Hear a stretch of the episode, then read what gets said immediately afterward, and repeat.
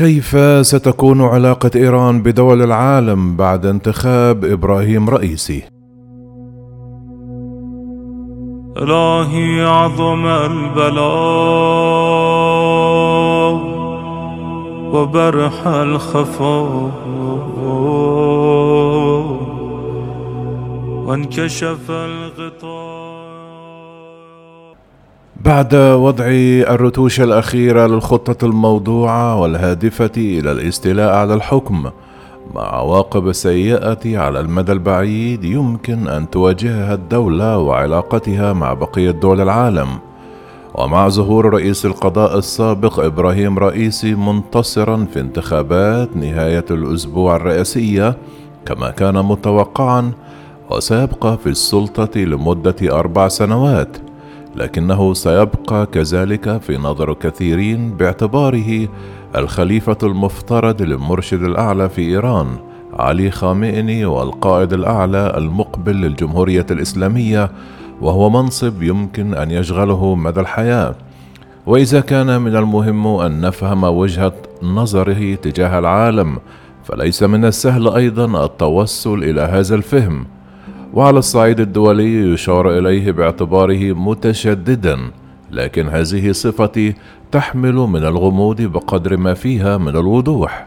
وإذا خففنا هذه الصفة إلى متحمس فقط فإن ذلك سيخفي الصفة الأكثر هيمنة في شخصيته السياسية وهي انتهازيته الذكية وهي الميزة الأكثر تفسيرا لصعوده السياسي والأفضل لرسم توقعات حول أسلوبه في القيادة لاحقا.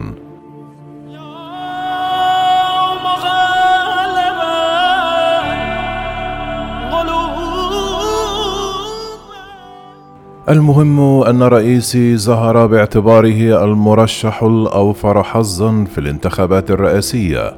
ليس عن طريق طرح رؤيته المقنعة على العامة وإنما نتيجة الطريق الذي تم تمهيده له من قبل حلفائه السياسيين المقربين. وفي نهاية مايو الماضي منع مجلس صيانة الدستور المؤلف من 12 عضوا ويشرف على الانتخابات الرئاسية المرشحين الإصلاحيين والمعتدلين من ترشيح أنفسهم للانتخابات. وإن كان يأمل بعضهم بتدخل خامئني كما فعل عام 2005 لإعادة بعض المرشحين غير المؤهلين. وبالفعل دعا خامئني مجلس صيانة الدستور إلى أن يقوم بتعديل سلوكه الظالم لكن من دون المطالبة بإعادة أي مرشح محدد. وكان رد مجلس صيانة الدستور على دعوة خامئني هو إصدار بيان ممل وفارغ من أي مضمون حقيقي. كان التصرف الذي قام به مجلس صيانة الدستور دعما كبيرا لرئيسي في الانتخابات بطريقتين مهمتين. الأولى أنها خلصته من منافسيه والثانية التي قد تكون أكثر أهمية من الأولى هي إضعاف حماس العامة للانتخابات بعد إبعاد العديد من المرشحين المرغوبين. الأمر الذي أسهم أيضا في إضعاف معنويات تلك الشرائح الانتخابية والتي كانت مشاركتها حيوية جدا بالنسبة للمرشحين المعتدلين والإصلاحيين. وأدى ذلك إلى جعل مهمة المرشحين عبد الناصر همتي ومحسن مهر زادة أكثر صعوبة لحشد الجماهير وكسب أصواتها يوم الانتخابات. وهما الوحيدان من مرشحي الوسط المعتدلين اللذان لم يتم استبعادهما من السباق الانتخابي. وانسحب مهرزادة من الانتخابات قبل يومين من موعد التصويت. كل هذا لا ينفي قاعدة رئيسي الانتخابية الضخمة التي يتمتع بها.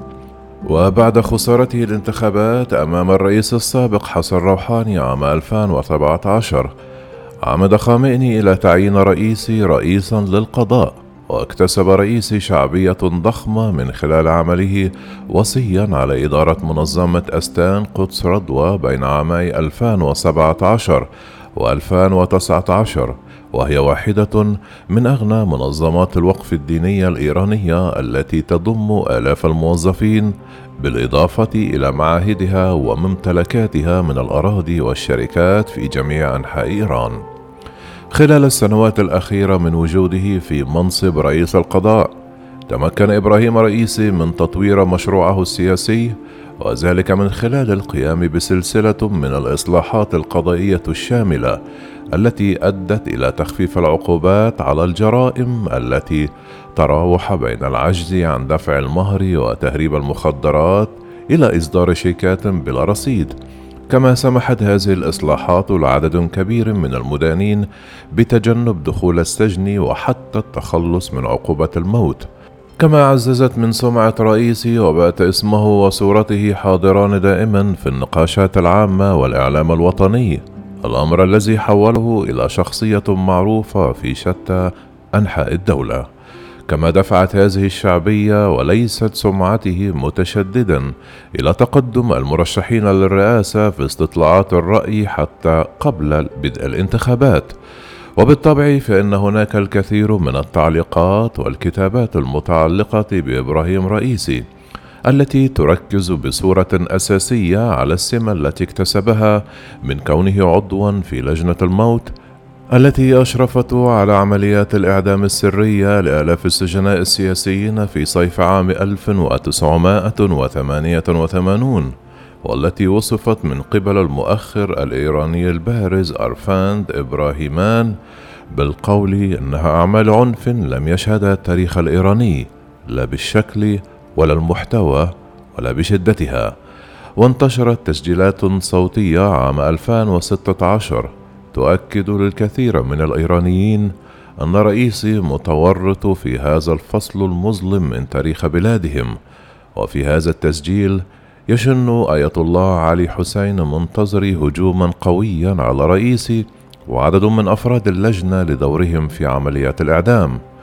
ولا يمكن إنكار مشاركة رئيسي في عمليات الإعدام التي قامت بها لجنة الموت لكن مشاركته بحد ذاتها تكشف عن توجهات مهمة في شخصيته السياسية ويظهر التسجيل أنه عندما رفض منتظري إعطائهم الإذن بقتل 200 سجين يسمع صوت إبراهيم رئيسي في التسجيل يقول أنه سيطيع قرار قائده في محاولة منه لتجنب إظهار نفسه باعتباره خصما لنائب القائد الأعلى في حينه منتظري ويظهر موقف الولاء الذي يميز حياة رئيسي السياسية التي امتدت لأربع عقود بأنه رجل مدفوع بشغفه للحفاظ على السلطة وليس متمسكا بأيديولوجية معينة.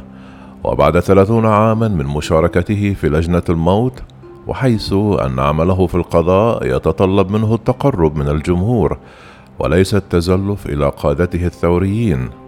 وفي تمهيد مبكر للانتخابات الرئاسية طرح نفسه باعتباره إصلاحيا عن طريق تخفيف شدة العقوبات والحث على الرأفة بحيث أصبحت الإعدامات العلنية أمرا نادرا.